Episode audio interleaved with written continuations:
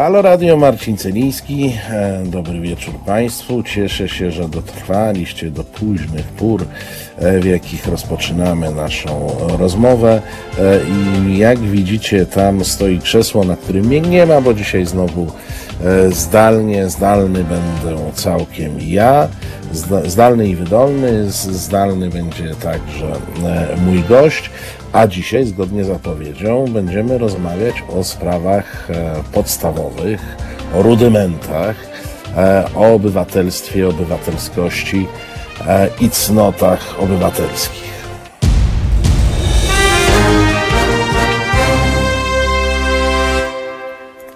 I w ten sposób zaczęliśmy kolejny, kolejne nasze spotkanie, kolejny nasz program spotykamy się już ponad rok, co w e, dobie tych takich e, szybkich myśli i szybkich zdarzeń to jest w ogóle jakaś wieczność. Nie wiem, czy w ramach tej właśnie pogoni nie za często zapominamy, nie za często, ładny zwrot, jakoś mi się tak powiedziało, zapominamy o tych wartościach podstawowych, bo po prostu nie ma czasu, tak? Jest news, nakłada się na newsa, sytuacja, tu trzeba zareagować, krzyknąć, e, a za chwilę i tak e, trzeba krzyczeć na inny e, temat i w tym wszystkim chyba gubią nam się wartości, wartości podstawowe. To moja robocza teza. Na pewno taką wartością jest obywatel, cnoty obywatelskie, które od wieków jakoś się wykowały i na ten temat e, dzisiaj chcę porozmawiać z moim gościem, profesorem Janem Hartmanem. Ja mam doniesienia, że my już się słyszymy. No ja słyszę wszystko, jestem. Mnie też słychać? Tak jest, słychać. Bardzo Ci dziękuję, że znalazłeś czas. Wiem, że w, w, pewnym pędzie e, na udział w tym programie. Profesor Jan Hartman, e, filozof, etyk, e, jest dzisiaj moim e, gościem. Witamy Cię serdecznie. Dzień dobry, dzień dobry Państwu. E, no to wyjdźmy tak od e, początku. Nie chcę rozmawiać o obywatelstwie w tym takim rozumieniu, które wszyscy rozumieją, bo każdy wie, że jak się rodzi, to dostaje PESEL, w związku z czym zostaje obywatelem Rzeczypospolitej. No i ja zostałem obywatelem Polskiej Rzeczypospolitej Ludowej, nikt mnie o to nie pytał, a, a potem zostałem w którymś momencie obywatelem Rzeczypospolitej, ale to jest to takie obywatelstwo w wymiarze prawnym i E, płaskim, to znaczy no, z nim się wiąże to, że jestem przypisany administracyjnie do jakiejś wspólnoty, e, z tej wspólnoty jakoś korzystam, e, lepiej, gorzej, różne te okresy były, no i oczywiście mam obowiązki wobec tej wspólnoty, typu płacę podatki, o, można było mnie do wojska powoływać i tym podobne rzeczy, ale tą, tę warstwę e, odrzucamy. Bardziej mnie dzisiaj będzie interesował e, ten obywatel, który jest wyzwaniem.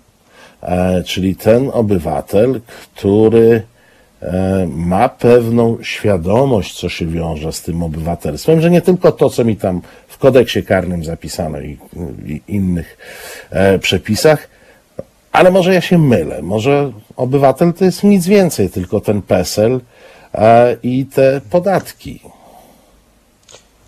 Sprawa jest bardzo skomplikowana. Ta przymusowość Dlatego do ciebie się zwróciłem. ta przymusowość obywatelstwa e, przesłania nam e, taką pierwotną ideę w obywatelstwie się kryjącą, że mianowicie jest to e, przywilej. No, zwykle przywileje przyjmuje się z chęcią, a nie e, z obowiązku. E, niemniej jednak od samego początku to było tak, że jeśli e, było się odpowiedniego stanu, a zwłaszcza było się wolnym mieszkańcem, urodzonym w danym kraju. Mówię jeszcze o czasach starożytnych. I urodziłem się w danym kraju, na przykład w Atenach albo, albo, albo w Rzymie, jako człowiek wolny, a nie niewolnik, E, to przysługiwał mi status członka wspólnoty politycznej. I to był oczywiście wielki honor do takiej wspólnoty należeć. I to, że taka przynależność jest raczej obowiązkowa nie bardzo można się jej zrzec, było przez e, tą jakby wartość honorową przesłonięte. E, niemniej jednak de facto i w Rzymie, który rozwinął pojęcie obywatelstwa i nadał mu taką bardzo szczegółową formę prawną, jak i wcześniej, tam gdzie istniały państwa i klasy uprzywilejowane z tym państwem jakoś związane, zawsze obywatelstwo to był i honor, i obowiązek, i pewien zbiór przywilejów, i pewien zbiór zobowiązań na czele z łożeniem na armię i e, stawianiem się do obrony kraju, do obrony ojczyzny w razie potrzeby wojennej.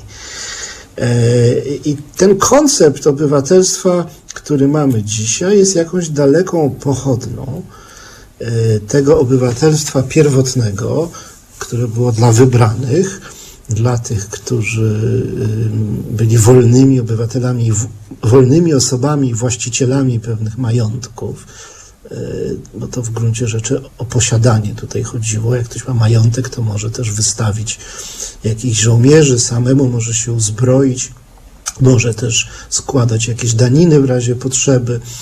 E, e, więc ten, to współczesne obywatelstwo jest jakąś daleką pochodną, ale podstawowa różnica polega właśnie na tym, że dawniej obywatelami byli niektórzy, e, Niektórzy inni może byli obywatelami drugiej czy trzeciej kategorii, bo nie można zapominać, że dawniej obywatelstwo miało różne formy i stopnie. E, natomiast dzisiaj jest tak, że w zamian za tą inkluzję, włączenie każdego człowieka, który się urodzi w danym państwie, z rodziców obywateli, e, w zamian za to włączenie do wspólnoty politycznej, obywatelskiej, równych wobec prawa e, i równych wobec państwa, w zamian za to każdego obarcza się pewnym zestawem obowiązków i to jest, to są obowiązki, których się nie można zrzec. Zrzecenie się obywatelstwa i tych obowiązków jest trudne i obowiązki te są dla niektórych uciążliwe, zwłaszcza dla tych, którzy są zdrowi i zdolni do pracy. Takie osoby muszą płacić podatki, e, a często też odbyć taką czy inną służbę wojskową, bo to są te dwa główne elementy. Natomiast to, że wszyscy są obywatelami równymi wobec prawa, często czy prawie zawsze wiąże się z realnymi czy też przynajmniej formalnymi uprawnieniami politycznymi, prawami publicznymi, jak to się dawniej nazywało, co współcześnie oznacza zwykle prawo do uczestniczenia w wyborach, prawo czynne i bierne, wyborcze prawo do sprawowania urzędów, robienia kariery w sferze urzędniczej, biurokratycznej. To są takie prawa publiczne, E, które się utrzymuje razem z obywatelstwem.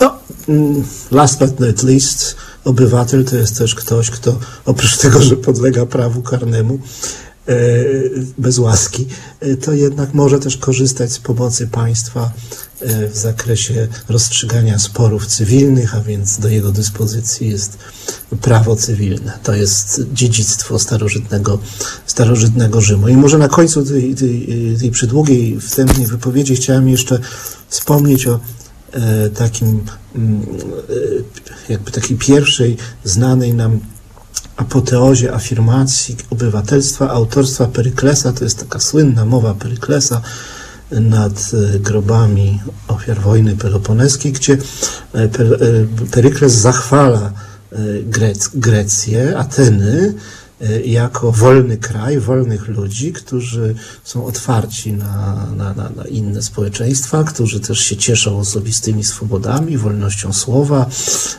w sposób wolny i aktywny współtworzą swoje państwo, służą swojej ojczyźnie z chęci, a nie z przymusu i miłują pokój i, i, i, no i cieszą się właśnie prawami politycznymi.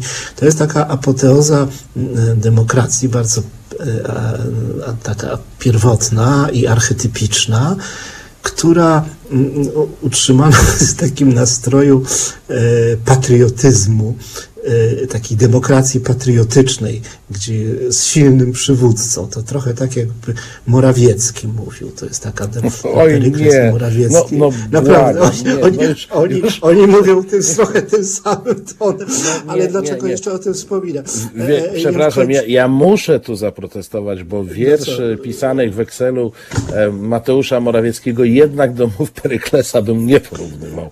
Na wszelki wypadek. ideologia jest ideologią. To jest to zabawne, że po dwóch i pół tysiąca e, lat e, możliwy jest dyskurs polityczny, który w zasadzie jest tożsamy z dyskursem no, takim archaicznym, którym się, od, od którego się w ogóle demokracja e, zaczęła.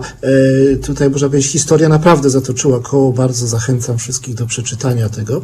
Natomiast wspominam o tym dlatego, że tam już się pojawia ten obywatel nowoczesny, bo demokracja ateńska to była trochę taka nowoczesność avant la lettre. Ona umarła po 200 latach, nie rozwinęła się, e, nie przybrała tej formy takiej uniwersalnej, e, jaką znamy dzisiaj. E, Ale ta idea, że ten członek wspólnoty politycznej, takiej dużej, inkluzywnej, bo demokratycznej, jednocześnie korzysta z wolności i służy państwu, służy tejże wspólnocie, bo państwo jest jego emanacją, ta idea obywat- obywatelstwa jako służby, będąca w centrum szeroko rozumianego, czy fundamentalnie rozumianego republikanizmu, czyli takiego dyskursu czci, afirmacji państwa, ta idea znana była już wtedy. I jeżeli dzisiaj się mówi o obywatelstwie, o byciu obywatelem jako, jako wyzwaniu i, i powodzie do dumy, e, to jest to kontynuacja e, starożytnej, archaicznej idei e, republikańskiej, idei e, takiej inkluzywnego państwa jako wspólnoty politycznej. I muszę powiedzieć, że ze wszystkich starożytnych idei ta trzyma się najlepiej i prawie nie uległa żadnym zmianom, nawet najbardziej autorytarne państwa posługują się tym dyskursem władzy jako służby i obywatelstwa jako zaszczytnego obowiązku. E, No tak, e, temat e, po- postrzegania, rozumienia demokracji w sposób taki bardzo archaiczny przez obecną władzę, to jest w ogóle temat chyba na, na odrębną e, dyskusję, bo to faktycznie oni gdzieś się tam troszkę zatrzymali, ale e, wychodząc od tych jeszcze korzeni, to tu chciałbym, żebyśmy sobie powiedzieli i podkreślili jedną rzecz, że obywatelstwo wiąże się z przynależnością e, do grupy, do społeczności. Obywatelstwo od tych e, czasów e, starożytnych oznacza współpracę i współdziałanie w obrębie jakiejś wytyczonej e, wspólnoty. Następnym krokiem jest ta idea republikańska, o której mówisz, czyli idea państwowa, bo oczywiście grupa nie musi być państwowa, ale w starożytności już szybko sobie e, powiedziano, że e, ta społeczność to jest jednocześnie państwo.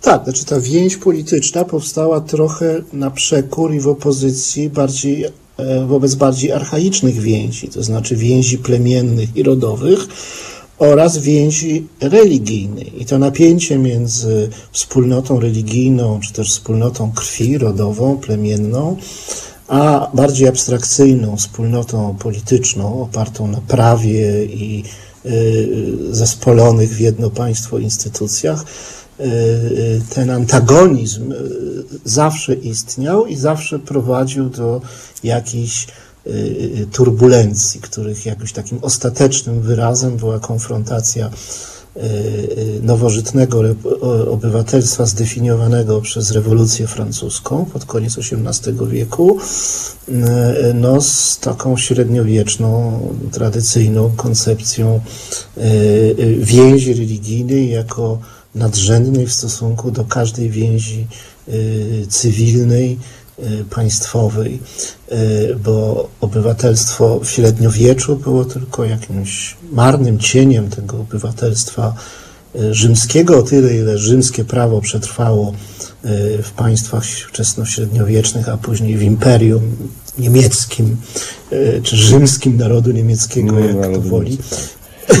tak, to, to było to, to w tych państwach, gdzie jeszcze trochę było tej tradycji rzymskiej, e, to jakieś tam pojęcie obywatelstwa było, ale ważniejsze było pojęcie poddaństwa, pojęcia związane z zobowiązaniami feudalnymi, oczywiście pojęcie e, chrześcijanina, przynależności do tej e, uniwersalnej Christianitas, natomiast to, to, to, to starożytne obywatelstwo, godne, cywilne, świeckie i takie właśnie republikańskie, propaństwowe, mm, no ledwo zipało i ono zostało rozdmuchane bardzo, bardzo e, przez ideologów rewolucji francuskiej. I nagle się okazało, że to jest szalenie nośne, bo cała nowa grupa społeczna, która nie miała dobrze zdefiniowanego miejsca e, e, w strukturze feudalnej, a miała za to duże ambicje, czyli mieszczaństwo, nagle znalazło dla siebie tę definicję, czyli poczuło się obywatelami,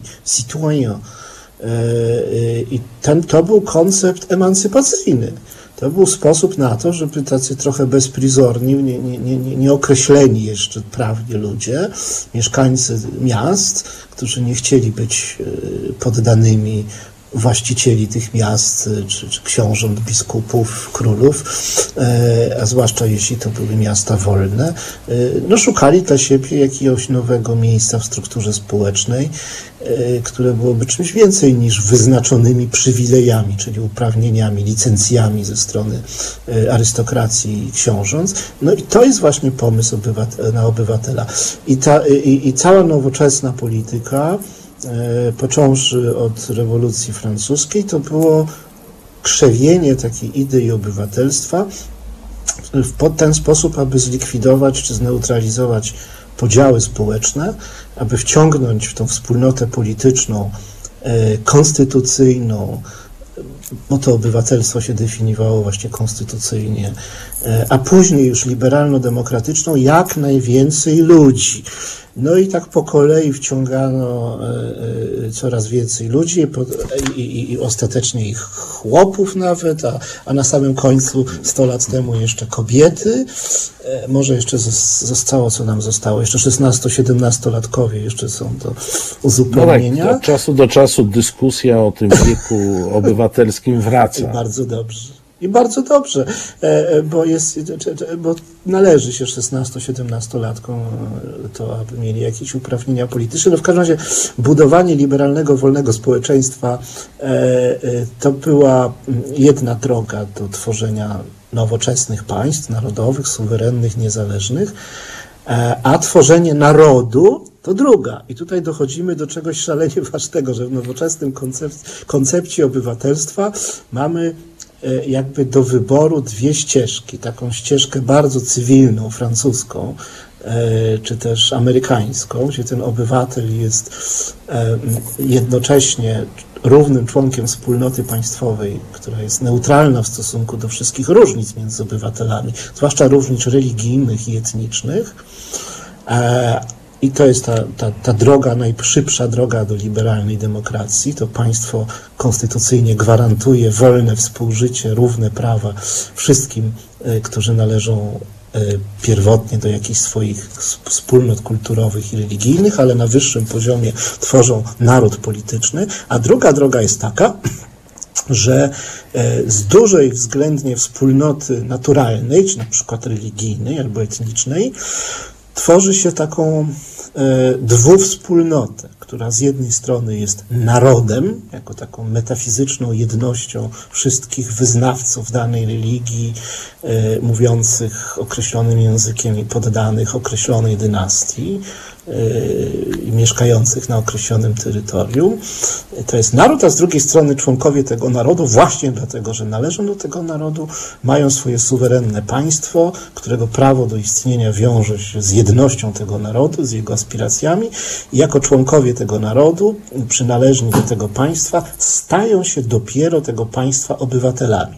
No i to, to, to ten drugi, to drugie pojmowanie obywatelstwa jako sprzężone z przynależnością narodową, nie muszę tłumaczyć, prowadzi do prostą drogą do nacjonalizmu, e, e, reakcji e, faszyzmu i jeszcze gorszych rzeczy. I ten spór między dwoma tymi obywatelstwami, abstrakcyjnym, czysto politycznym, prawnym i tym takim obywatelstwem sprzężonym z przynależnością narodową, w jaki sposób jeszcze jest widoczny do dzisiaj w polityce. No tak, ale mm, jak wspomniałeś o tym nowożytnym obywatelstwie ukształtowanym E, przez rewolucję francuską, przez emancypację e, tych warstw, które w ustroju francuskim jakoś istniały, bo to też trzeba Państwu przypomnieć, że jak mówimy o tym modelu historycznym, e, no to e, przynajmniej e, w teorii mieszczanie mieli swoją możliwość wyrażania co najmniej opinii w, w sposób zorganizowany. Chłopi zresztą też, stąd były te różne stany. Żeby porównać do, do Polski, bo to tak, tak prawdę mówiąc, tym Morawieckim trochę mnie prowokujesz do tego, bo on bardzo często mówi, jacy to my jesteśmy z wielkimi tradycjami tradycjami demokratycznymi, obywatelskimi i tym podobnymi, że mamy różne rzeczy we krwi. E, w Polsce, mm, w pierwszej Rzeczpospolitej, ani mieszczanie, ani e, chłopi do Konstytucji 3 maja, która jak wiadomo była efemeryczna, e, nie mieli żadnej nawet fikcyjnej reprezentacji. No we Francji jednak stan trzeci istniał przed rewolucją jako grupa jakoś tam upośledzona, ale jednak zauważalna. W, w Polsce stan trzeci nie był zauważalny. Ale to nowoczesne obywatelstwo e, kształtowało się w epoce przednarodowej, o tak bym powiedział, tak? kiedy ten, e, ta kwestia narodowości, e, z tego z, spoiwa, jakim była narodowość, nie była pierwszoplanowa, powiedziałbym, ona dopiero się jakoś kształtowała, więc... O, tak, tak. Tak, tak, bo to, to, te procesy się jakoś nakładały. Natomiast mówię o tym, że ta emancypacja obywatelstwa e, w tych niższych warstw we Francji obyła się bez czynnika narodowego jako twórczego, e, jako e, elementu, który tworzył to obywatelstwo i budował tę wspólnotę. Oni nawet nie mówili tym samym językiem tak naprawdę, bo przecież te dialekty były bardzo różne.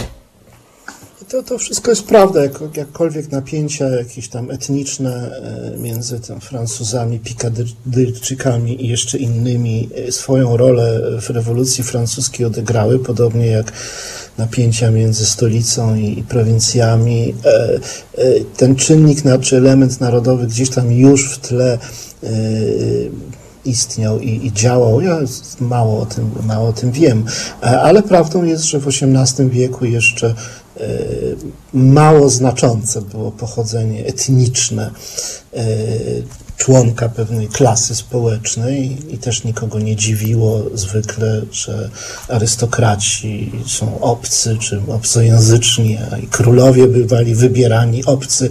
Konstytucja 3 maja gwarantowała Polakom, że żaden Polak nie będzie królem, mianowicie król miał być Niemcem, Sasem.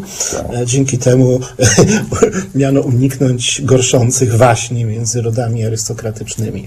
E, daleko nam jeszcze do tej obojętności na etniczność, która miała miejsce e, do, do wieku XVIII, ale w to też nie jest prawda, że nigdy konfliktów etnicznych, jakichś podziałów etnicznych, że nie było ich przed epoką no, no, no, no nowoczesną. E, natomiast e, rzeczywiście to francuskie obywatelstwo było takie bardzo, bardzo e, polityczne, państwowe, konstytucyjne. To jest wynalazek rewolucji, to wynalazek tym wszystkim konstytucji, ja oczywiście wiem, że były i wcześniej konstytucje i parlamentaryzm. No, bo już chciałem przywołać Mateusza Morawieckiego. Był parlamentaryzm i to nie tylko w Wielkiej Brytanii i były oczywiście e, Stany generalne w, we Francji, tylko że to wszystko było bardzo, bardzo, bardzo niesprawiedliwe i bardzo nierówne. I te wielkie rewolucje mieszczańskie oczywiście były możliwe dzięki temu, że już wcześniej jakoś politycznie, instytucjonalnie zauważono ten, jak pięknie mówisz, stan trzeci, czyli mieszczaństwo, e, ale no, zauważono w taki sposób, że ci mieszczanie mieli bardzo ograniczone e, prawa w stosunku do e, tradycyjnej ziemskiej szlachty i arystokracji. Więc zwłaszcza jak się zaczęły bogacić i powiększać te miasta, no to siłą rzeczy to wszystko szło w stronę rewolucji. Ale koncepcja obywatelstwa, także ta świecka, którą wypracowano w Francji i w, w Stanach Zjednoczonych, w dużej mierze w oparciu o y, no, brytyjską myśl polityczną, na przykład y, Johna, Johna Locke'a, e, to, ten, ten koncept nowoczesny obywatela bardzo szybko został można powiedzieć, zmanipulowany, a to właśnie dzięki temu starożytnemu republikanizmowi, który szantażuje obywateli moralnie w taki to mianowicie sposób, że mówi im, że państwo jest najwyższą wartością, najwyższą i najdoskonalszą wspólnotą, poprzez którą obywatele w ogóle są kulturalnymi i cywilizowanymi ludźmi. W związku z tym e, państwu należy się wszystko. I to obywatelstwo jest jednym wielkim zobowiązaniem. A to znaczy, że władze w zasadzie i rząd. Zobowiązaniem wobec państwa, tak? Wobec państwa. Wobec tego, a państwo to, to, to władza taka, jaka jest konkretnie. Więc w zasadzie wszyscy powinni tę władzę wspierać. A jak to jest jeszcze cesarz albo król, no to tym bardziej. Czyli obywatel w zasadzie powinien, jeżeli ma być dobrym obywatelem, to powinien być oportunistą. E, no i jak to demokracja rozwiązuje? No w ten sposób, że no są jakieś dwie, trzy partie, takie państwotwórcze, silnie uznane, no i ten dobry obywatel to tak się przerzuca między jedną i drugą, ale czy może wspierać jedną partię, czy drugą partię, ale już nie żadnych radykałów, e, którzy, którzy by wnosili jakieś pierwiastki anarchiczne. Czyli dobry obywatel jest zawsze przeciwko rewolucji. Więc albo jesteś e, obywatelem, albo jesteś rewolucjonistą. Jak już się raz dokonała rewolucja i mamy e, państwo prawa, to siedź obywatelu na swoim miejscu i wspieraj państwo. I to obywatelstwo takie archaiczne, obywatelstwo jako przywilej e, e, człowieka, który współtworzy wraz z innymi państwo, stało się zarzewiem nowoczesnego konceptu społeczeństwa obywatelskiego, czyli takiej grupy ludzi, którzy będą bardzo silnie to państwo wspierać e, i e, swoje przeznaczać również prywatne środki na to, żeby cele tej wspólnoty politycznej kierowanej przez państwo i jego miłościwie panującego cesarza na przykład e, zostały zrealizowane. Czyli krótko mówiąc, idea obywatelstwa zawiera w sobie pierwiastek mm, szantażu moralno-emocjonalnego. Zawiera w sobie nacisk, perswazję E, nastawioną na e, kształtowanie oportunistycznego e, posłuszeństwa w stosunku do władzy. Dobry obywatel to generalnie taki, który tej władzy słucha, więc to nie jest takie, to nie jest takie niewinne pojęcie. No, no tak, to zaraz dojdziemy do tego, że ono bywa nawet groźne, ale damy chwilę oddechu e, słuchaczom. E, Krzysztof, który realizuje nasz program, będzie mógł w tej chwili wybrać e, jakiś utwór, który zagramy, pod jednym warunkiem, że to będzie The Clash. W związku z tym e, przemyślałem swoją decyzję i to będzie The Clash, Capital Radio 2. I potem wracamy. Słuchajcie powtórki programu.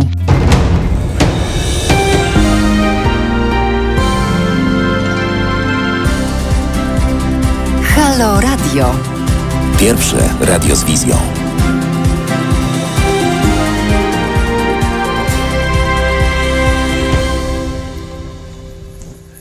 Halo Radio, Marcin Celiński. Wracamy do rozmowy. Naszym gościem jest profesor Jan Hartman. A rozmawiamy o obywatelstwie. A teraz chciałem spytać o rzecz trudniejszą. E, Jeszcze. że, że jeszcze trudniejszą. E, Rzymianie zaczęli mówić o cnotach obywatelskich i te cnoty obywatelskie także nam e, ewoluowały od tych właśnie e, początkowo związanych czysto z państwem, czyli z e, wywiązywaniem się z obowiązków wobec państwa, ale te cnoty obywatelskie, czy jak dzisiaj byśmy powiedzieli postawa obywatelska, to jest jednak coś więcej niż płacenie podatków. No mi się wydaje, że pierwszym, który e, zaczął w sposób systematyczny mówić o cnotach czy cnocie obywatelskiej był Sokrates.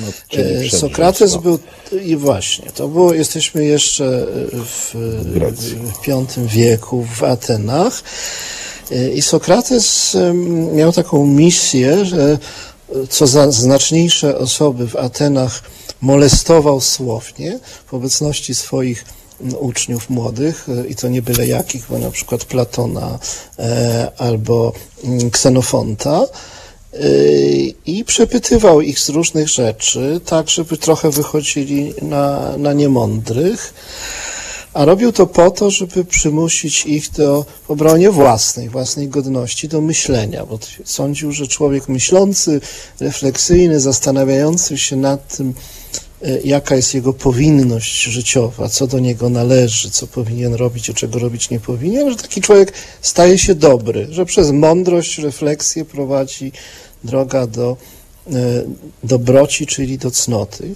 E, Mądrość i, i cnota w zasadzie są tym samym i biorą się z myślenia, a do myślenia właściwie każdy jest zdolny. Tak bardzo optymistycznie sobie myślał Sokrates. Tak, to było I ten na jego dysk- trochę. No trochę na wyrost. I ten, I ten jego dyskurs prowadził zawsze w takim kierunku, że e, różne role człowiek pełni, ale wszystkie pełni dobrze tylko wtedy, kiedy żyje w dobrym i sprawiedliwym państwie czy społeczeństwie, jakbyśmy dzisiaj powiedzieli. I musi być harmonia między tą całością, czyli państwem, e, a jednostką. E, I że w zasadzie nie ma nic ważniejszego, e, nic bardziej godnego dla człowieka, więc też nie ma większej cnoty, czy większego, bardziej dostojnego wyrazu cnoty, jak zaangażowanie w sprawy publiczne. I Sokrates mówił to jako taki półdemokrata, taki demokrata z pewnym rezerwą traktujący różne urządzenia demokratyczne. E, Doświadczenia z demokracją było takie, że dużo ludzi e, zabierało głos niezbyt mądrze mówiąc, a inni ludzie manipulowali nimi dzięki temu, że e, umieli ładnie przemawiać i mieli charyzmę, czyli To w tym tak momencie mówisz o, o pewnym zjawisku bardzo ponadczasowym. No właśnie, więc już wtedy było wiadomo i Sokrates miał taki pomysł na demokrację, taki jak zresztą czasy nowożytne również próbują e, e, e, mieć, że mianowicie jak obywatele będą myślący, to się tak łatwo nie poddadzą demagogom, a ich mm, udział w głosowaniach będzie dawał dobry rezultat. No i tak, e, więc, więc można powiedzieć, że Sokrates ja, ja, już nawet, ja już nawet nie będę czytał komentarzy e, z, naszy, z naszych słuchaczy na czacie. Taki najłagodniejszy to jest Sokrates chyba optymistycznie przykładał do wszystkich swoją miarę. Napisała pani Bożena. Inne nie bardzo ko- komentarze nie nadają się do cytowania. A, a, ale to były bardzo dawne czasy pionierskie i wtedy po prostu do, z tym eksperymentowano. Potem wielki eksperyment miał miejsce w XIX i XX wieku. Uznano, że jak wszyscy będą chodzić do szkoły, to staną się dobrymi obywatelami. E, ale ten eksperyment zawiódł, dlatego że szkoły rozumiały to w ten sposób i ministrowie edukacji, że dobry obywatel to jest po prostu ktoś, kto e, jest posłuszny wobec władzy, idzie na wojnę wtedy, kiedy władza go tam posyła, jest nacjonalistą i można powiedzieć szowinistą, bo tak jest wychowywany, aby ta więź z władzą była jak najsilniejsza. No więc nic z tego nie wyszło. To kształcenie masowe, które miało wytwarzać wolnych, myślących, samodzielnych obywateli, ostatecznie okazało się wielkim narzędziem nacjonalistycznej propagandy i dopiero gdzieś tam po 68 roku niektóre państwa zachodnioeuropejskie, a potem już w północnej Ameryce i gdzieś tam w Australii i w paru innych krajach próbują jakby oczyścić ten, powrócić do tego pierwotnego konceptu XIX-wiecznego, nawet XVIII-wiecznego, takiej edukacji publicznej, obywatelskiej, gdzie nie chodzi o to kształcenie oportunistów i szowinistów e, i potencjalnych żołnierzy i karnych biurokratów, lecz chodzi o to, żeby kształcić ludzi samodzielnie myślących, tworzących tak zwane społeczeństwo obywatelskie. I ten heglowski koncept społeczeństwa obywatelskiego cały czas jeszcze funkcjonuje, wszyscy jeszcze wierzą w to, znaczy wszystkie czynniki oficjalne, nawet najbardziej demokratycznych państw, bo jeszcze nie wyszliśmy z tego oświeceniowego marzenia,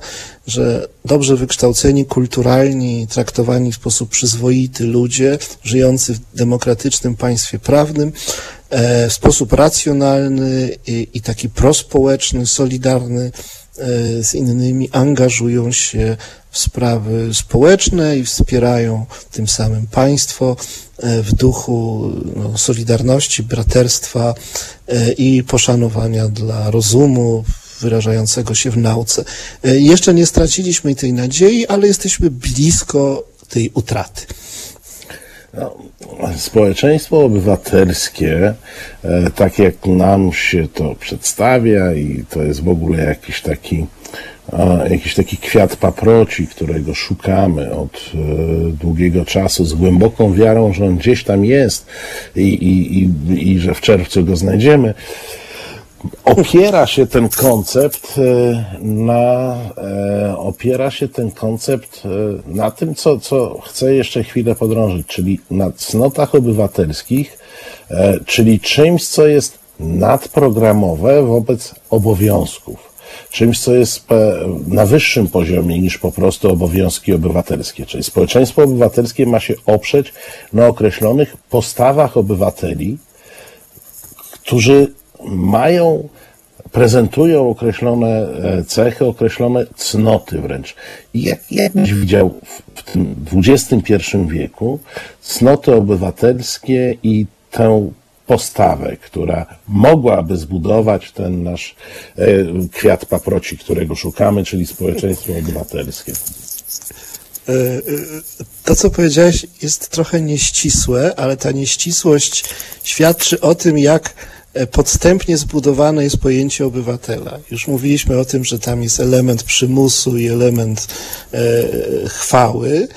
E, a teraz widać, jak się ze sobą tam jakoś zespalają i e, jakoś przeplatają elementy obowiązku i jakiejś ponadobowiązkowej, dobrowolnej, dobrowolnego zaangażowania. Otóż tak jak e,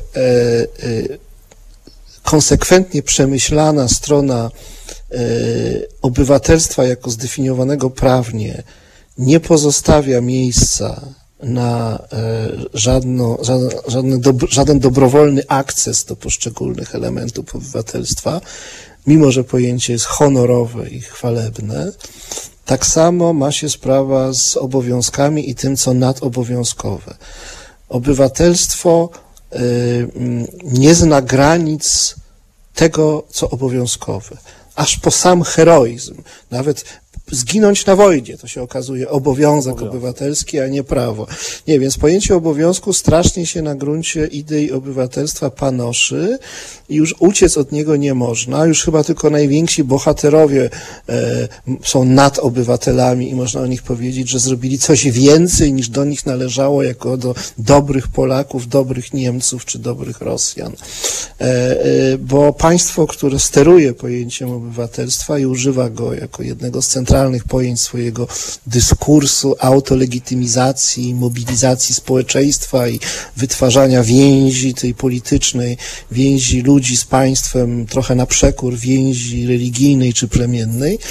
E, e, no państwo jest jednak bardzo taką przemocową, e, autorytarną strukturą, opresyjną i, i woli, żeby wszystko, co mówi, było tak, jak mówi, czyli żeby za tym stała sankcja, czyli groźba, zagrożenie karą, a więc woli tak mówić o tym obywatelstwie, e, że to wychodzi na to, że to jest zespół obowiązków, a już na twoje dobre, na twoją dobrą wolę nie ma tu miejsca. I teraz jak się to ma do społeczeństwa obywatelskiego?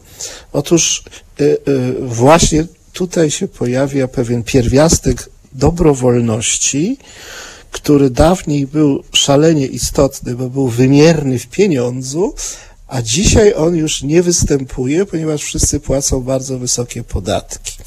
Otóż społeczeństwo obywatelskie, tak jak je wymyślił Hegel, to jest e, grupa zamożnych mężczyzn, mieszkańców miast, wykształconych, posiadających pewne majątki, którzy wspierają państwo w taki sposób, że dostarczają mu swoich jakby kadr, czy jego kadr spośród tych, tego, te, tej grupy społecznej zaangażowanych, świadomych, myślących, cnotliwych obywateli. Rekrutuje się państwo, państwo się nimi jakby pożywia, ale też roztacza nad nimi e, e, jakby taki parasol ochronny w postaci prawa, instytucji i oni pod tym parasolem przejawiają wolną aktywność, a więc społeczeństwo obywatelskie to grupa mężczyzn, którzy w sposób wolny i dobrowolny zrzeszają się dla różnych celów publicznych, wśród których, uwaga, są cele gospodarcze i filantropijne. Owszem, jak założymy sobie stowarzyszenie sportowe, to to też jest społeczeństwo obywatelskie. Jak założymy sobie partię polityczną, no trudno, muszą być partie, to to też jest element społeczeństwa obywatelskiego, ale najważniejsze jest, żebyśmy jako w, w obywatele e, zakładali spółki, o to jest pojęcie centralne dla koncepcji społeczeństwa obywatelskiego, spółka, że to się zbieramy razem, zrzucamy się i tworzymy przedsiębiorstwo i zarabiamy pieniądze. Więc najważniejszy element społeczeństwa obywatelskiego, tak jak to rozumiano pierwotnie to pojęcie u Hegla, u jego następców, e, to jest działalność gospodarcza, wolna działalność gospodarcza, e, a te taka działalność stowarzyszeniowa i polityczna, partyjna, to też, ale to już jest trochę mniej ważne. Najważniejsze jest, żeby tworzyć spółki i zarabiać pieniądze. I teraz, jak już są te pieniądze zarobione, to one trochę tam będą szły do. System podatkowy nie był w XIX wieku jeszcze dobrze rozwinięty, tam za dużo tych transferów nie było. One były bardziej takie okazjonalne, związane z wojną. No ale w każdym razie e, e, znaczna większość tego, co ludzie zarabiali, ci przedsiębiorcy czy przemysłowcy, e, e, zostawało w ich kieszeni. W związku z tym oni mieli tych pieniędzy naprawdę dużo. I teraz uwaga, i tu jest clue. Skoro jesteś członkiem społeczeństwa obywatelskiego, to masz być odpowiedzialny za całą wspólnotę, w związku z tym bądź fundatorem. I rzeczywiście, i to działało. Bo ci bardzo bogaci ludzie na Zachodzie, w Stanach Zjednoczonych, w zachodniej Europie, rzeczywiście fundowali, co się tylko dało. To biblioteki, uniwersytety, teatry, e, szpitale. E, I widzimy do dziś wielkie, wspaniałe, klasycystyczne gmachy. Strasznie drogie, niepotrzebnie jakieś takie Tak, tak, bombastyczne, e, ale to tam wszędzie jest napisane, że to są fundacje. E, I, i, e, I to działało, ale potem trochę przestało dlatego że przyszło bardzo wysokie opodatkowanie i państwo wzięło na siebie całą tą redystrybucję i została tylko taka trochę rachityczna filantropia. I my mamy dzisiaj społeczeństwo obywatelskie, nasze pojęcie współczesne społeczeństwa obywatelskiego to jest tylko cień tego dawnego pojęcia, bo dzisiaj to znaczy, że no, jesteśmy aktywni, świadomi, każdy z nas należy do jakiegoś stowarzyszenia, czymś się para, udziela e, i to, ale, ale rzadko myślimy o tym w kategoriach działalności gospodarczej i rzadko myślimy o tym w kategoriach działalności partyjnej, politycznej. Tymczasem bez tych dwóch elementów, gospodarczego i politycznego, to ta koncepcja no, jest niewiele warta. Tyle, że no niestety w- przestaliśmy uważać ludzi, którzy zarabiają pieniądze za no, no, wniosący wkład do dobra wspólnego. W ogóle nam to jakoś um- umknęło. E, Socjalizm to jakoś wyczyścił z naszych, No z wiadomo, naszych pojęć moralnych. spekulanci. Tak. No właśnie, tak się zrobiło. E, e, Oni teraz oczywiście starają się odbudować swoją reputację, ale to jest, idzie z kłopotami różnymi.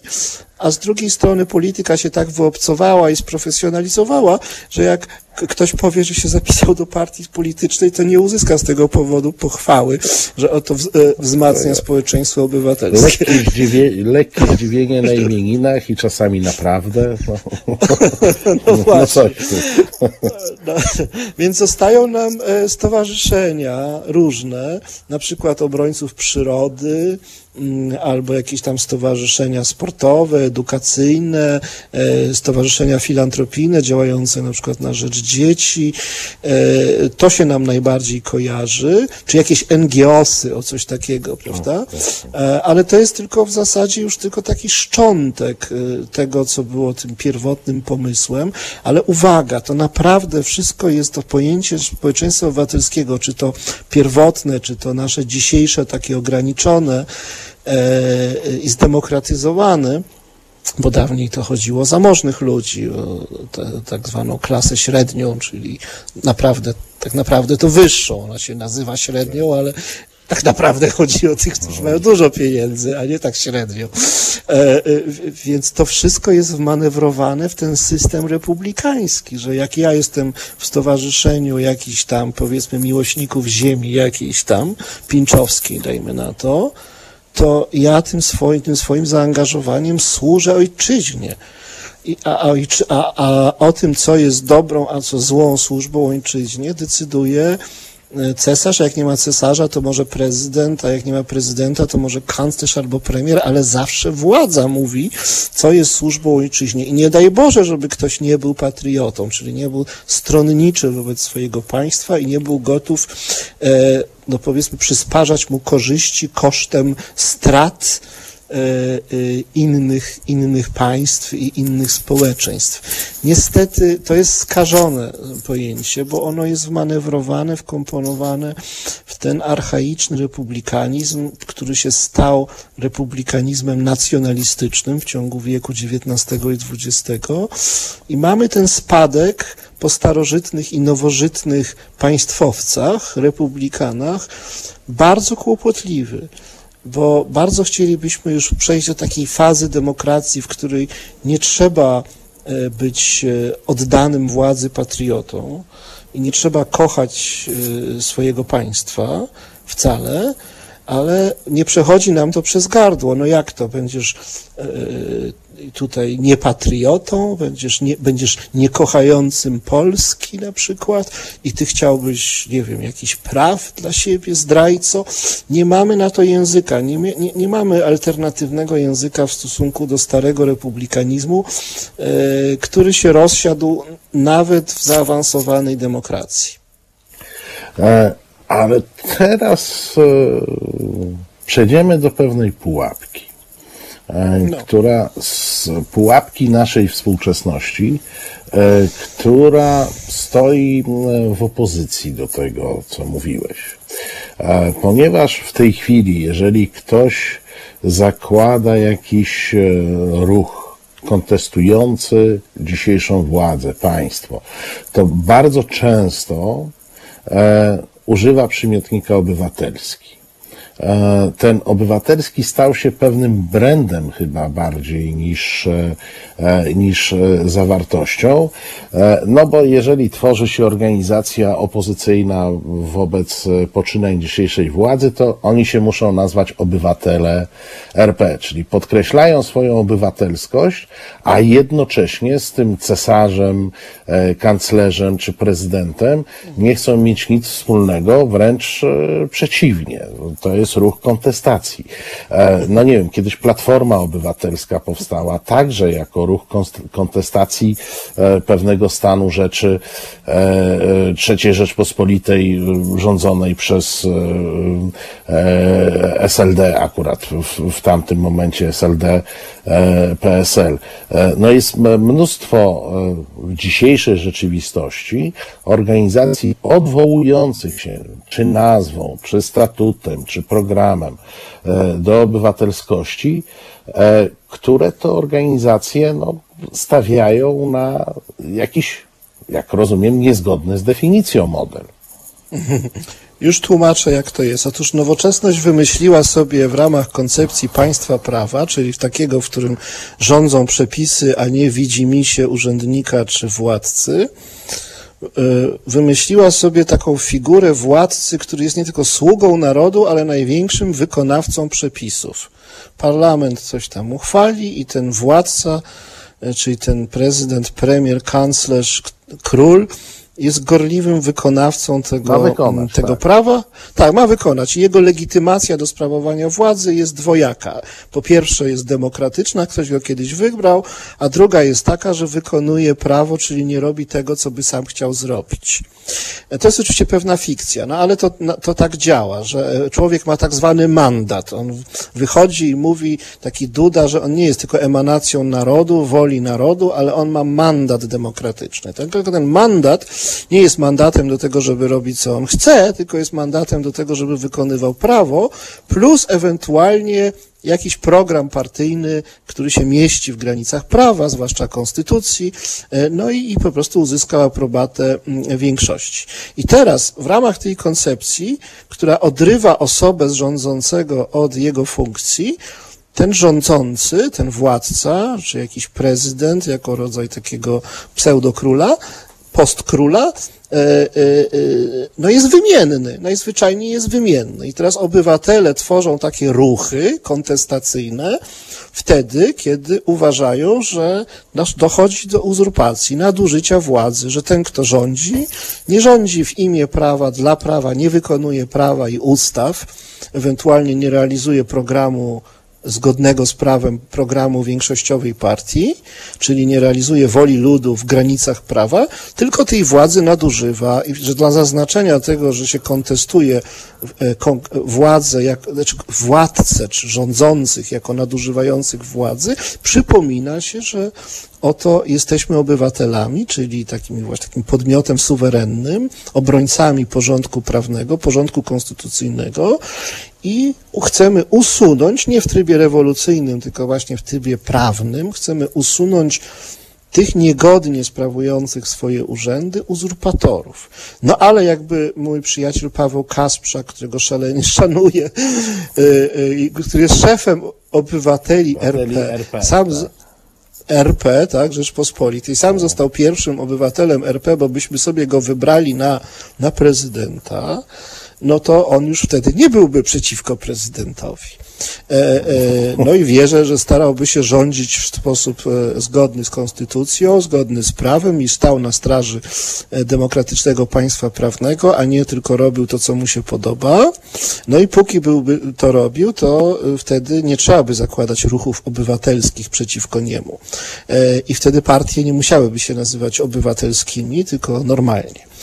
Ale jakby zdradził, no to znowu trzeba by, żeby się obywatele zebrali. Ale jeszcze, to trochę żartuję, ale jest jeszcze drugi powód, dla którego e, na, bardzo często to słowo obywatelski pada w dyskursie publicznym.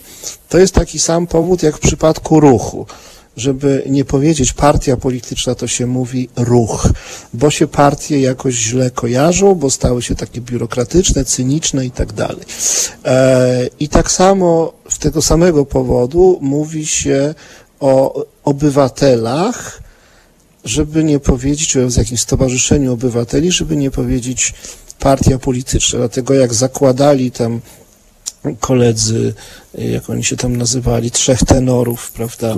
Tusk, Płażyński. Sk- Sk- Właśnie, i Olechowski. I Olechowski, tak. Płażyński, Płażyński wypadł z pamięci, już nie żyjący zresztą. Jak oni zakładali partię, to chcieli, żeby to nie była partia. Jeszcze nie było mody na ruchy, no to sobie wymyślili, że to nie będzie partia, tylko platforma. No ale jaka platforma? No nie wiertnicza, no to obywatelska. Czyli, że każdy może się przyłączyć ze swoimi pomysłami, ze swoją troską e, i to nie będzie żadna partia, e, która ma program e, i karne kadry, tylko taki właśnie rozdyskutowana, O, właśnie. wolna wspólnota. O właśnie. No tak, ale to jest... I tu, tu dochodzimy do rzeczy, która mnie bardzo interesuje i zadam pytanie, które wbrew pozorom nie jest retoryczne. Czy ta obywatelskość, e, jeżeli ja się nazwę w tej chwili, że ja jestem obywatelski, to jest moje zobowiązanie do e, określonego standardu działania, określonego e, standardu etycznego, określonych zachowań, gdyby traktować to słowo poważnie oczywiście, a nie jako erzac przy tworzeniu nazwy partii politycznej, tak? No na pewno to jest współcześnie oznacza akces do, do aksjologii konstytucyjnej. Znaczy obywatel, nie można być obywatelem, czy podkreślać swojego obywate, swojej obywatelskości, swojego przywiązania do, y, do państwa jako demokratycznego państwa prawnego, bo współczesne obywatelstwo jest bardzo ściśle związane z demokracją. Wszyscy są tymi obywatelami, wszyscy mają te prawa polityczne i to są prawa obejmujące uprawnienia polityczne o charakterze demokratycznym. Więc na pewno, jak ktoś podkreśla swoją, obywatelsk swoją obywatelskość, to tym samym podkreśla swój demokratyzm, a także przywiązanie do praworządności. Tyle, że ta praworządność w demokratycznych państwach jest zdefiniowana konstytucyjnie w oparciu o zasady nie tylko y, praworządności jako takiej, czyli rządów prawa, ale także w zasady równości, niedyskryminowania, poszanowania swobód i wolności obywatelskich oraz rządu ograniczonego, czyli takiej zasady mówiącej, że nawet największa większość nie może y, zlikwidować praw mniejszości y, i nie może zabrać jednostce jej podstawowych praw osobistych i politycznych. To się nazywa rząd ograniczony. I więc trudno, żeby ktoś się uważał za obywatela, a jednocześnie był, nie wiem, nacjonalistą, czy jakimś skrajnym prawicowcem, wrogiem demokracji, a też, czy też zwolennikiem państwa wyznaniowego, bo to wszystko stoi w jaskrawej sprzeczności z nowoczesnym obywatelstwem. Zachodzi więc pytanie, czy w ogóle obywatele mają się prawo w ogóle czymkolwiek różnić. Jest z tym pewien kłopot, bo jak człowiek jest naprawdę demokratą i naprawdę szanuje te wartości konstytucyjne, więc sprzeciwia się wszelkiej dyskryminacji, żąda od państwa praworządności, transparencji, jawności yy, i tak dalej. Jeżeli te wszystkie wartości konstytucyjne naprawdę czci i wspiera, to mu już tak wiele nie zostaje. Mogą być takie czy inne poglądy w sferze gospodarczej, takie czy inne poglądy na różne rozwiązania instytu- takie instytucjonalne, na różne polityki społeczne, ale to spektrum się dość mocno zawęża. Yy, natomiast yy, uzurpują sobie obywatelstwo również tacy, którzy wywodzą się z dawnych obywateli członków narodu. Mówiłem wcześniej o tej dwoistości w kształtowaniu się pojęcia obywatela. Jest to takie endeckie, powiedzmy sobie, czy reakcyjne pojęcie obywatela jako członka narodu.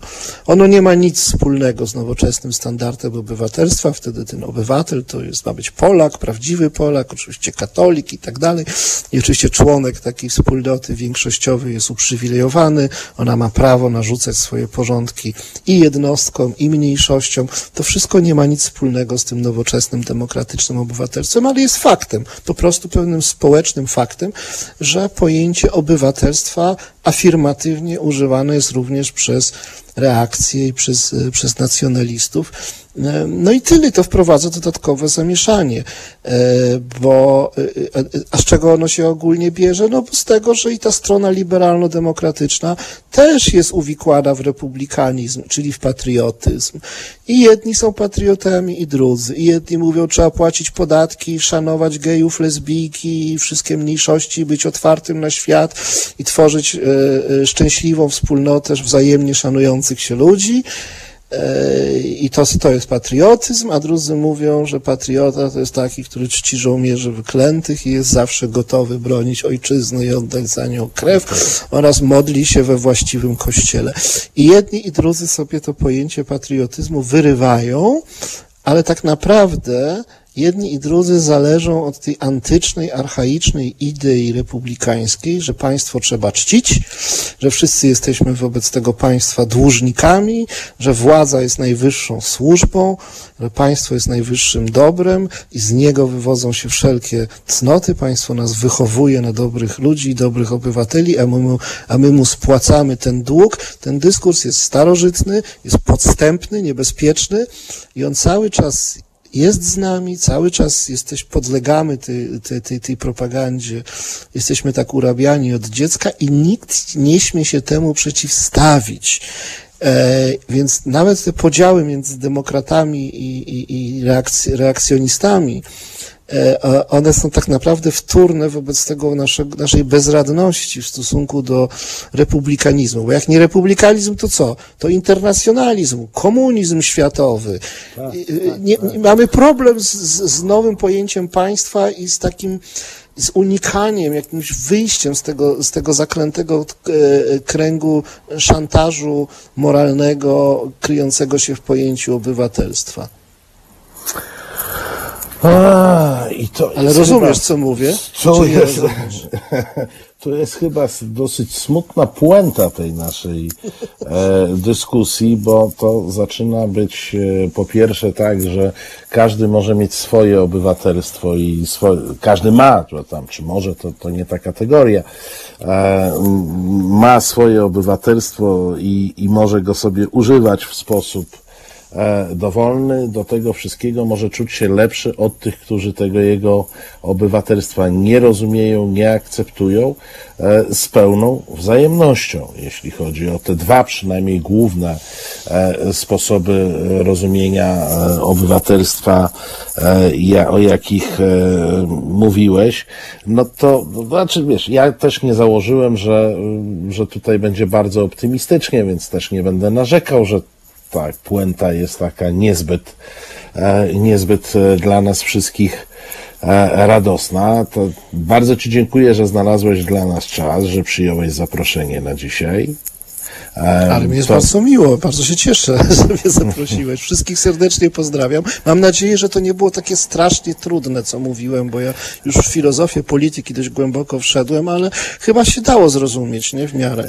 Wiesz, mamy tutaj, mamy tutaj określone grono słuchaczy, to, to nie była TVP Info, w związku z czym myślę, że, że, że poszło, że poszło dobrze. Bardzo Ci dziękuję e, za, za tę wizytę. W imieniu słuchaczy także, którzy tutaj e, na czacie e, dziękują.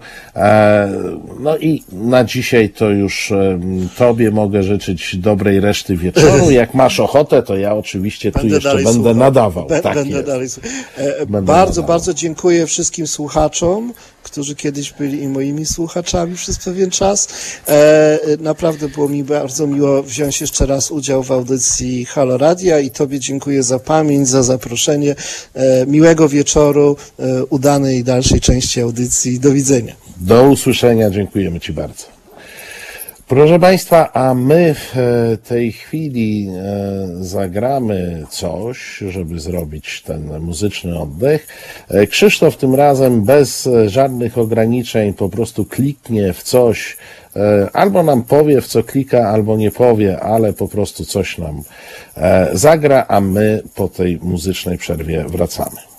Drodzy Państwo, kliknąłem w Bohemian Rhapsody zespołu Queen. Świetny wybór. Słuchajcie powtórki programu.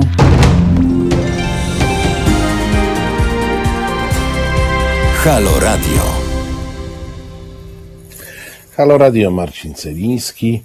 E, No to teraz już sam na sam e, pogadamy, co tam w ubiegłym tygodniu się e, przydarzyło. No oczywiście wszyscy y, zauważyliśmy to, co CBA i prokuratura e, wyprawiała przy okazji e, zatrzymania Romana Giertycha. Swoją drogą był to taki fajny tekst, przepraszam, test. To był fajny test obywatelskości, bo znowu E, mieliśmy e, sytuację, w której mierzyliśmy się e, z własnymi uczuciami. To znaczy, mierzyliśmy się z faktem, o, widzę, że Krzysiek mnie przebrał w międzyczasie, rzuciłem tą marynarę, założyłem coś wygodniejszego na drugą część programu. Dziękuję Krzysztof. To faktycznie jest fajniejsze ubranko. E, wracam do tego Giertycha. No, to był test e, też dla nas, ponieważ nie jest tajemnicą, że duża część z nas e, nie przepada za Romanem Giertychem. I to był właśnie taki test, czy w momencie, kiedy ktoś to za kim nie przepadamy, jest krzywdzony przez państwo, to jesteśmy w stanie się wznieść ponad to, że on nie jest z naszej bajki i powiedzieć państwu, halo, coś tu jest e, nie w porządku. Duża część z nas zdała ten egzamin, e, niektórzy, e, niektórzy niestety gorzej sobie z tym poradzili. No a Prawda jest taka, że ta obywatelskość i ta, te zasady i to przywiązanie do e, konstytucji i państwa e, prawa e, sprawdza się dokładnie wtedy, kiedy nie dotyczy e, nas osobiście, bądź nie dotyczy ludzi, których lubimy, ale właśnie wtedy, e, kiedy m, dotyczy kogoś, za kim nie przepadamy. Pani Bożena pyta, nie wierzymy, że Giertych rzeczywiście przeszedł transformację. Pani Bożena, ja Pani powiem za siebie. On oczywiście jakąś transformację e, przeszedł, e, ale to nie jest transformacja, która by e, powodowała, żebym go jakoś e, polubił, cenił. Szczególnie ja tu kiedyś w audycji mówiłem. Ja mu kiedyś podarowałem książki, on mi do dzisiaj nie podziękował, więc mam prywatny, e, prywatną zadrę tutaj. Ja mu podarowałem książki, pamiętacie, kiedy on zmieniał kanon lektur, wyrzucał Gombrowicza, wprowadzał Dobraczyńskiego. Ja mu wtedy wysłałem, taka akcja była, nie wiem czy pamiętacie, chwaląc się kombatancko, byłem jednym ze współorganizatorów tej akcji, żeby temu Giertychowi wysłać parę lektur, żeby sobie doczytał. E, więc ja mu wysłałem trochę, do dzisiaj mi e, nie podziękował, ale schodząc na e, poważne tory, powiem Państwu w ten sposób, że jeżeli dojdzie do tego, a ja jakoś mam w sobie na tyle optymizmu, żeby wierzyć w to, że dojdzie do tego, że prokurator e, zapuka e, do Jarosława Kaczyńskiego, to ja wtedy także będę protestował, jeżeli prawa e, człowieka, jeżeli prawa obywatela Jarosława Kaczyńskiego przy zatrzymaniu, przy przesłuchaniu czy przy całym postępowaniu wobec niego będą naruszone, będę protestował, bo to jest tak. Uważam, że jeżeli przyjmujemy pewne zasady, to one muszą działać wobec wszystkich, a najbardziej trzeba się pilnować, żeby one działały także wobec tych, których e, nie lubimy. E, I tutaj Giertych to jest małe piwo. Ja Państwu w tej chwili składam e, deklarację, że będę protestował, jeżeli Jarosławowi Kaczyńskiemu e, półprzytomnemu będzie ktoś próbował postawić e, zarzuty, jeżeli zamiast wysłać mu wezwanie na przesłuchanie, będą mu wjeżdżali do domu, jeżeli będą gwałcili jego prawa podstawowe. To dla mnie nie ulega e, wątpliwości. Na tym polega e, państwo, na tym polega system, na tym polega e, konstytucyjność tego systemu i z faktu, że ktoś jest na bakier z konstytucją, nie oznacza, że mamy prawo odmówić mu tych przywilejów obywatelskich, jakie z konstytucji i z prawa wynikają. I to jest dla mnie coś tak absolutnie podstawowego, że że szkoda o tym gadać, a jak widać w Polsce e, ta dyskusja, e, ta dyskusja musiała się e, jakoś e, przetoczyć i na wszystkie protesty wobec sposobu, w jaki potraktowano e, Giertycha, jego współpracowników i przy całej tej sprawie, to oczywiście ja sam dostałem parę bęcków e, pod tytułem A to już nie pamiętasz kim jest Giertych. Doskonale pamiętam i mu e, nie zapomnę. E, Panie Waldku, a jak pan Jarek nie będzie, jak Jarek nie będzie stawiał się na przesłuchanie, panie dyrektorze, to co? To na to są przepisy. E, Myśmy chyba wszyscy zapomnieli, że po pierwsze, w normalnym postępowaniu, w przypadku człowieka, który e, nie jest e, seryjnym mordercą i tak dalej, to się wysyła człowiekowi wezwanie. Jeżeli on na to nie reaguje, to oczywiście może być postanowienie o doprowadzeniu. Natomiast my, wychodzimy, to znaczy ten PiS nas jakoś przyzwyczaił. Pierwszy PiS i od tamtego czasu to się jakoś nie zmienia, od, od lat 2005-2007, że, że jest jeden środek, e, który można e, zastosować, e, który można zastosować, że jeżeli mamy kogoś przesłuchać, to trzeba mu o 6 rano wjechać na chatę. Nie, proszę Państwa, nie. Naprawdę jest milion innych sposobów. Można go zaprosić, można go wezwać, e, można e, w, w przypadku, kiedy ktoś nie reaguje, oczywiście jest też możliwość zatrzymania i doprowadzenia do prokuratury. No ale przypomnijcie sobie, no nie wiem, była sprawa Władka Frasyniuka, e, równie absurdalna.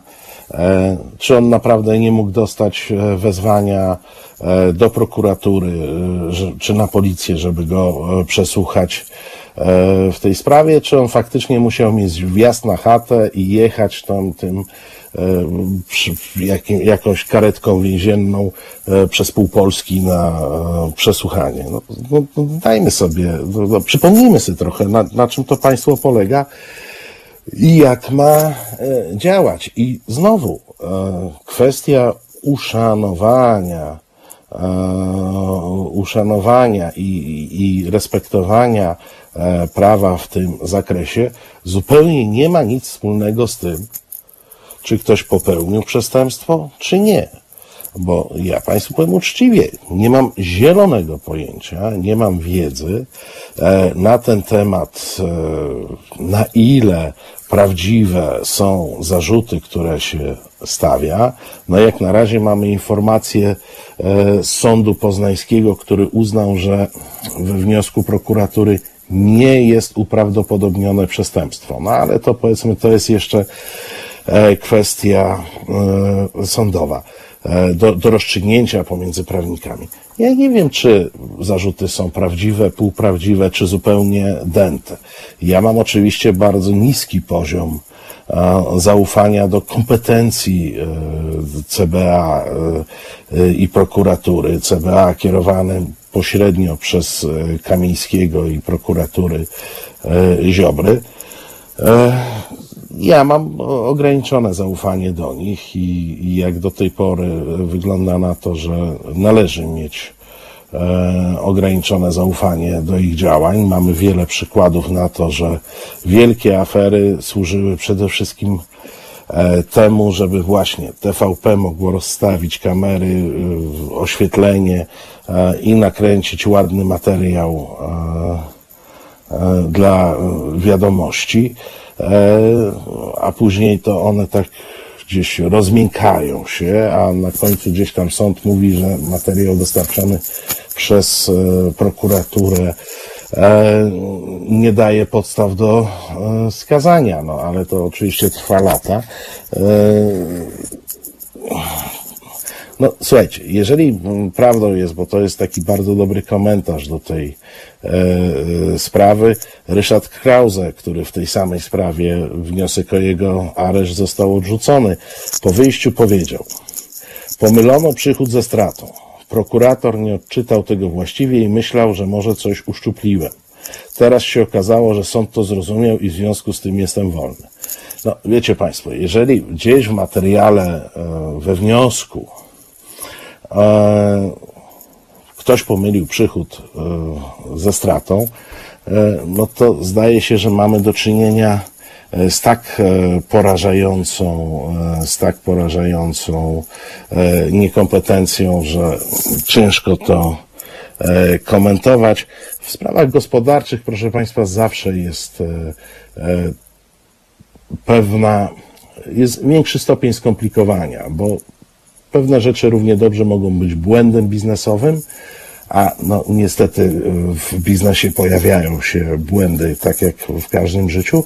Mogą być działaniem na szkodę spółki, e, mogą być e, machinacją i do takich spraw po prostu trzeba się dobrze e, przygotować. Proszę Państwa, ale no i, i tyle na ten temat. No jak wiecie, wszyscy są e, wolni, bo sąd odrzucił e, wnioski o e, areszt e, jako słabo uzasadnione. To tak, żeby z, z innej bajki, też patriotycznej, e, w Białym Stoku, proszę Państwa, Białystok został ogłoszony e, czerwoną strefą, ale to nie przeszkodziło e, świętowaniu e, powrotu wojsk Stefana Mikołaja Brańskiego z bitwy pod Wiedniem. Uczczono to w niedzielę, czyli dzisiaj, e, w centrum białostockiej Czerwonej Strefy. E, Konno na czele Podlaskiej Chorągwi Hu- Husarskiej e, podążał e, prezes e, Białosto- były prezes Białostockiej Młodzieży e, Wszechpolskiej.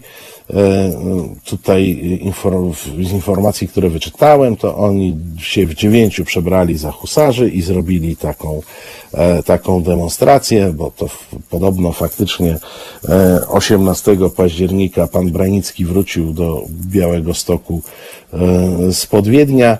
Mm, mm, Byli mm, e, o tyle uprzejmi, że e, ci husarze, nie? w odróżnieniu od Branickiego, który prawdopodobnie to nie robił, e, oni sobie jak jechali, to nawet zatrzymali się na czerwonym świetle, zaczekali na zielone i na zielonym świetle sobie e, przejechali. Mm, e, e, na, na koniec pan, pa- pa- po, po, skomentowali swoją demonstrację w ten sposób, że e, pan e, organizator e, powiedział do husarzy dziewięciu, wasz mościowie jesteście dumą narodu, na co husaria w liczbie dziewięciu odparła gromkim wiwat król. To tak, proszę Państwa, żebyśmy przypomnieli sobie, gdzie, gdzie mieszkamy e, i jaki mamy y, klimat, a, a żeby sobie przypomnieć, gdzie mieszkamy i jaki mamy klimat, e, to Krzysiek znowu w sposób wolny wybierze piosenkę, dowolną zupełnie, pod warunkiem, że to będzie Idziemy przez las siekiery. Szczęśliwie tak się złożyło, że właśnie wybrałem tę piosenkę. No, mogliśmy jeszcze wybrać piosenkę pana Koracza, ale na razie będzie siekiera. Słuchajcie powtórki programu.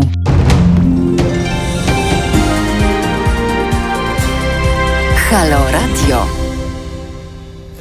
Halo Radio Marcin Celiński. Krzyśkowi bardzo dziękujemy za tę partię gitary. Niestety w kadrze nie zmieścił się perkusista. To trzeba będzie poprawić następnym razem, e, bo widzieliśmy tylko e, gitarę jak, e, jak szła, ale dziękuję w imieniu własnym i słuchaczy. Wyszło ci. Moi drodzy, mm, to w- tej chwili kończę, skończyłem już e, przegląd tygodnia i przechodzę do e, tej części audycji, która e, jest dla mnie najtrudniejsza. Jest pewnie najtrudniejszym momentem od roku, odkąd się spotykamy, bo zdaje się, że e, 6 października ubiegłego roku było nasze pierwsze spotkanie od początku działania e, Halo Radio byłem e, z Państwem, Państwo byliście e, ze mną i oczywiście wchodziłem do Halo Radio jako do medium e, obywatelskiego z określoną e, wizją, z, z określonymi oczekiwaniami i od wielu miesięcy biłem się z myślami, ponieważ e, ta moja wizja i te moje oczekiwania e, nie miały e, odzwierciedlenia w rzeczywistości. Ja nie zamierzam robić z tego ani żadnej psychodramy, ani żadnej wielkiej afery. Ja po prostu czuję, że jestem winien, winien państwu wytłumaczenie. Wytłumaczenie, dlaczego e, przez miesiące się e, biłem z myślami. Biłem się przez Was, bo, e, bo po prostu uzależniłem się od spotkań z Wami, z tymi, którzy są aktywni i których widzę tutaj co tydzień. I to mi utrudniało decyzję. Ale niestety Między innymi dlatego ten e, program poświęciłem obywatelskości, mm, bo mam wrażenie, że ta obywatelskość, tak jak ja ją rozumiem, a ja ją rozumiem, to jest, że, że elementem tej obywatelskości jest postępowanie z własnym, zgodnie z własnym sumieniem, z, z własną oceną, nawet jeżeli e, jest to niepopularne, nawet jeżeli e, spotka się E, spotka się ze złym odbiorem. Zresztą całe życie próbowałem i mam nadzieję, że jak do tej pory dosyć skutecznie w ten sposób postępować, no to, to jest jednak coś, co, co musi towarzyszyć komuś, komu wartości obywatelskie są bliskie. Nie mam poczucia, żeby to medium było obywatelskie. Tak Państwu powiem. I to jest mój e, podstawowy problem. Ono nie jest obywatelskie w wielu e, wymiarach. E, ja na ten temat publicznie się nie wypowiadałem, próbowałem rozmawiać wewnątrz. Przez długi czas e, nie było okazji do takiej rozmowy. Taka rozmowa e, wewnątrzredakcyjna e, była w ubiegłym tygodniu. Po tej rozmowie jestem przekonany, że mm, nie, nie ma możliwości, żeby Halo Radio zbliżyła się, zbliżyło się do tej formuły obywatelskości, jaką ja rozumiem. Mm, formuły obywatelskości opartej na wzajemnym szacunku ludzi. E, ja rozumiem, że szacunek jest bazową wartością obywatelską, szacunek międzyludzki. E, ja wychodzę z założenia, że obywatelskość ma budować społeczność, ma poszerzać tą społeczność, poczynając od zespołu, który tworzy medium przez słuchaczy. Niestety tak nie jest. E, obywatelskość to jest także mm, taki element e, widzenia tego, co dzieje się źle, nie tylko mnie.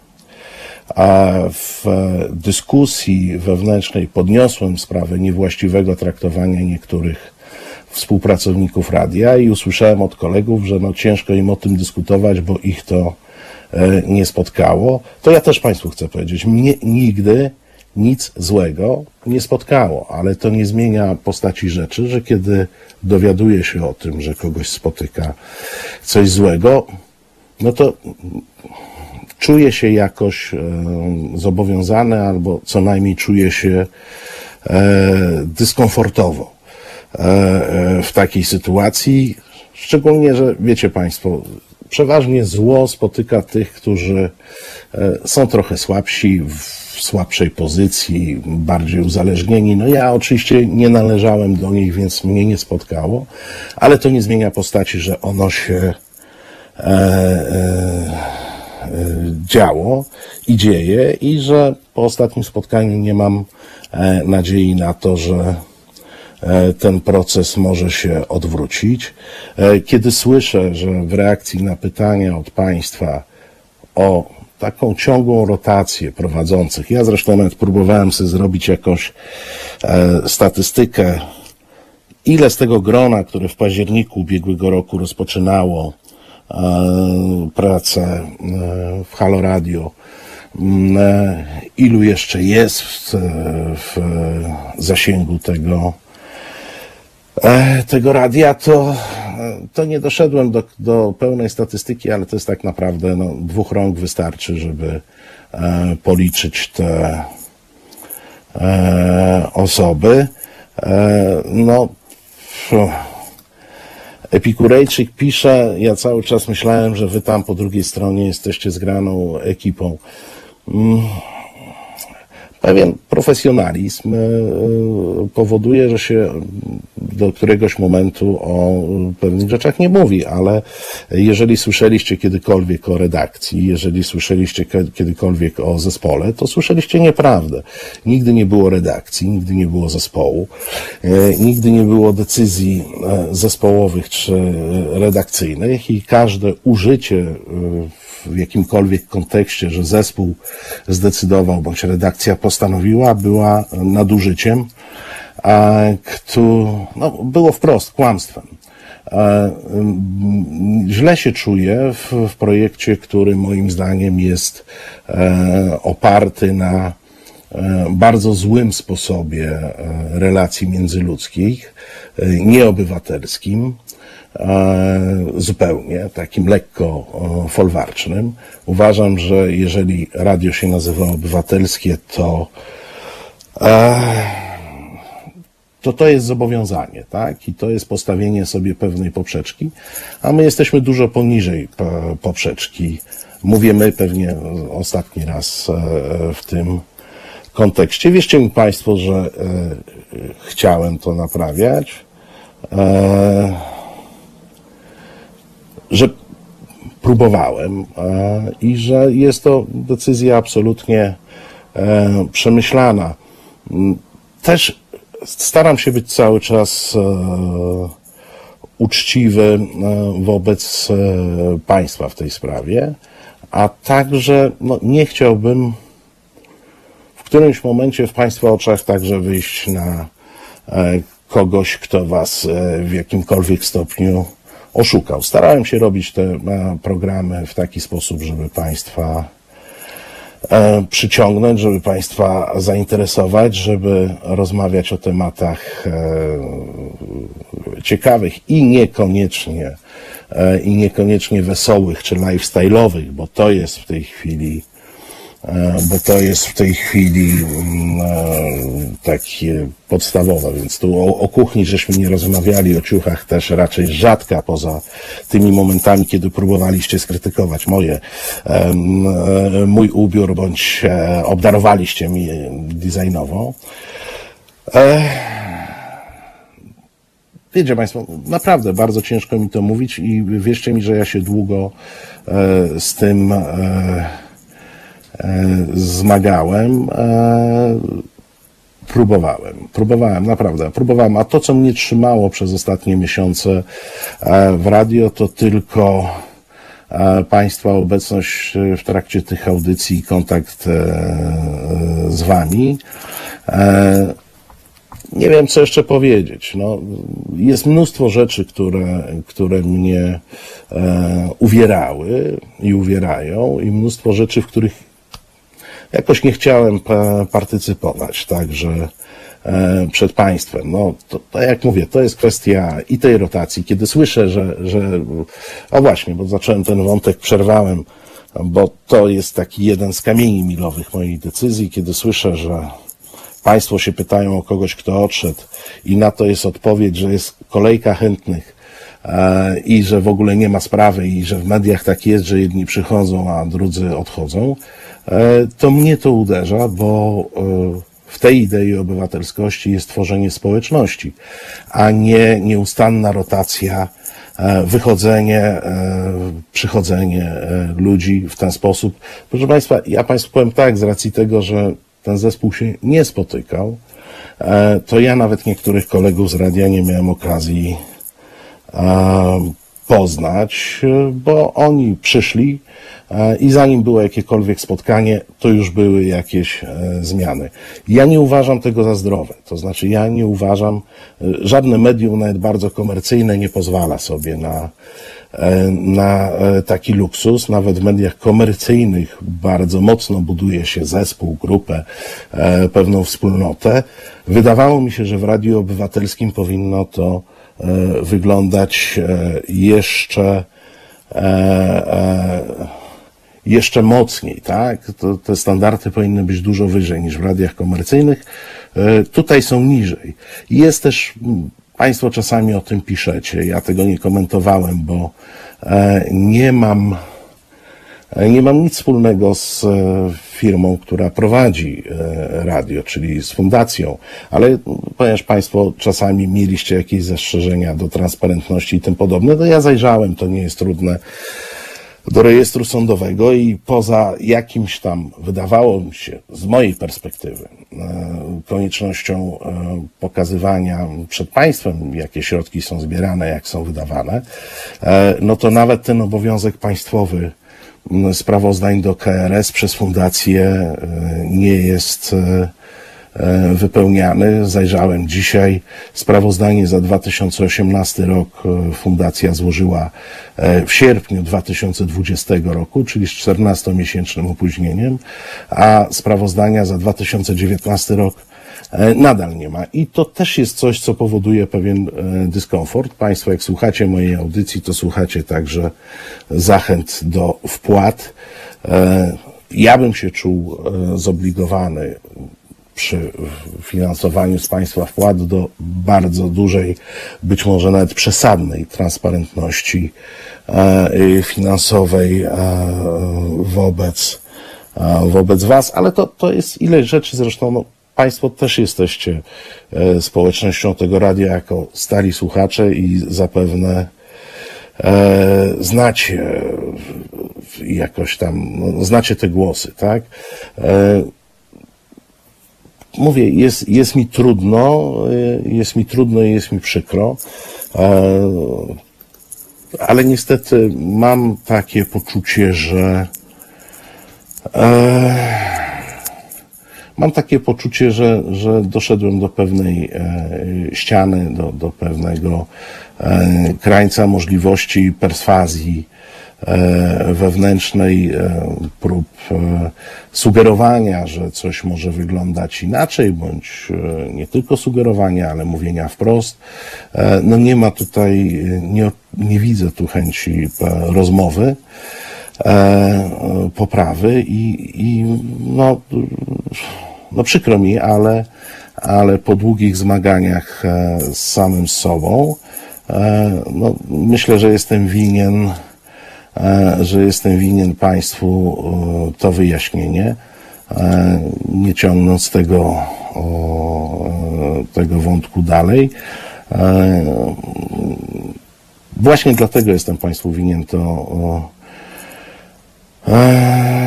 wyjaśnienie, Mm, bo to jest radio obywatelskie. Ja do tej idei przystąpiłem i e, dla tej idei tutaj e, byłem. E, no i jeżeli kogoś z Państwa zawodzę, przepraszam, ale e, proszę o także zrozumienie tej sytuacji, w której e, ja się znalazłem. E, zderzenie e, niewątpliwej przyjemności, jaką mam e, z pracy z Państwem i prowadzenia tych audycji, no z takim elementarnym poczuciem, mm, że, że mogę wyjść na nieuczciwego wobec Was i z wartościami, które w sobie mam, no to jest, e, to jest konflikt taki trudny e, do zniesienia. Bardzo Państwu dziękuję za te wszystkie wieczory. Ja nie policzyłem ile, ale pewnie tam było ich e, mocno ponad e, e, 50, pewnie to jest 53 czy 54 e, e, wieczór, który spędziliśmy razem. Każdy z nich e, to była najpierw trema, potem rozgrzewka, potem przyjemność e, rozmowy e, z Państwa z Państwem. E, naprawdę bardzo Wam za te wszystkie wieczory dziękuję. Oczywiście, mm, oczywiście ja jakoś tam całkiem nie znikam.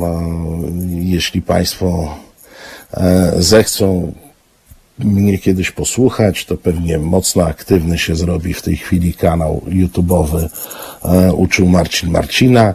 E, Być może zmieni nazwa, e, ja tam będę na pewno i myślę, że uda się także być w niedzielę w formulach, w formule live'a, mm, czyli formule dosyć podobnej do tej, którą e, w tej chwili, e, którą w tej chwili e, realizowałem. Może trochę innej, bo, bo, bo nie wszystko jest e, na szybko możliwe do no, zorganizowania, ale jeśli ma, będą Państwo mieli ochotę, to uczył Marcin Marcina mm, zmieni formułę, formułę w taki sposób, żebyśmy mogli się e, spotkać.